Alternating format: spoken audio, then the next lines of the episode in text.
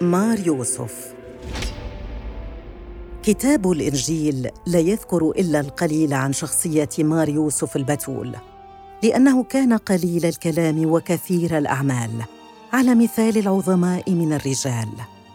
نعرف من الإنجيل أن يوسف الصديق كان خطيب مريم العذراء ومربي الطفل يسوع وأحدى شخصيات مخطط الخلاص العجيب. خطب يوسف البتول مريم العذراء وكلاهما من نسل داوود الملك حسب ما جاء في النبوءات. وبعد عقد الخطوبة التي كانت زواجاً شرعياً انفصل الخطيبان على عادة اليهود ريثما تستكمل شروط الخطوبة قبل بداية المساكنة. وفي تلك الفترة الفاصلة بين الخطوبة والمساكنة التي كانت تتجاوز السنة أحياناً جاء الملاك جبرائيل منزل العذراء في الناصرة منطقة الجليل. وبشرها بأنها ستكون أم المخلص المنتظر منذ أجيال. ولما بلغ يوسف خبر حبل العذراء ساوره القلق واحتار في أمره وأغلق عليه فهم سر هذا الحدث الغريب. ولا شك أنه لجأ إلى الصلاة فكشف له ملاك الله سر الحبل الإلهي وأمره مساكنه العذراء تنفيذا لمراحل مخطط الخلاص. وفي الحال اتخذ يوسف مريم العذراء إلى بيته وعاش معها كأهل السماء. ولما ولد يسوع في مغارة بيت لحم كان يوسف ساهرا عليه. ولما خاف هيرودس السفاح على منصبه أمر بقتل أطفال بيت لحم ويسوع معهم. كان يوسف حارسه الأمين فهرب به بإشارة من السماء إلى أرض مصر حيث مكث حتى وفاة ذلك السفاح. وعندئذ رجعت العائلة المقدسة إلى الناصره منطقة الجليل واستقر يوسف فيها يمارس مهنته الوضيعة ويهتم بالعائلة ويصغي إلى وحي الروح أسلم الروح بين يدي يسوع ومريم. هذا هو القديس يوسف زنبق الطهارة وسوسن النقاوة كما يصفه آباؤنا الأقدمون.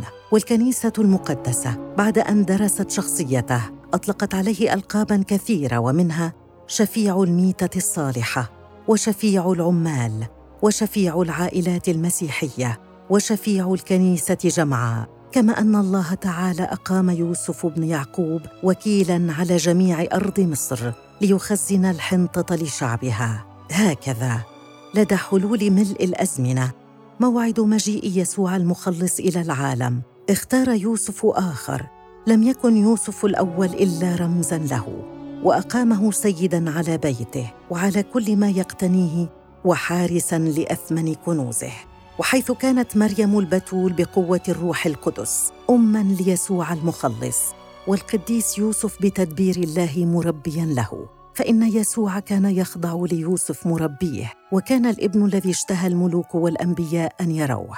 لم يره يوسف فقط. بل تكلم معه وحمله على ذراعيه وعانقه وقبله وأقات من يتناوله المؤمنون كخبز نازل من السماء لنيل الحياة الأبدية. وبناء على هذا المقام السامي الذي حباه الله هذا الخادم الأمين قد كرمت وعظمت الكنيسة المقدسة بعد مريم العذراء يوسف خطيبها المعظم.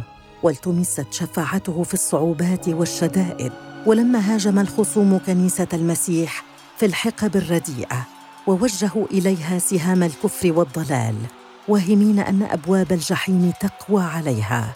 التمس الأساقفة الأجلاء من الحبر الأعظم أن يعلن القديس يوسف محاميا عن الكنيسة جمعاء ولدى انعقاد المجمع الفاتيكاني المقدس تكرر هذا الالتماس بصورة ملحة.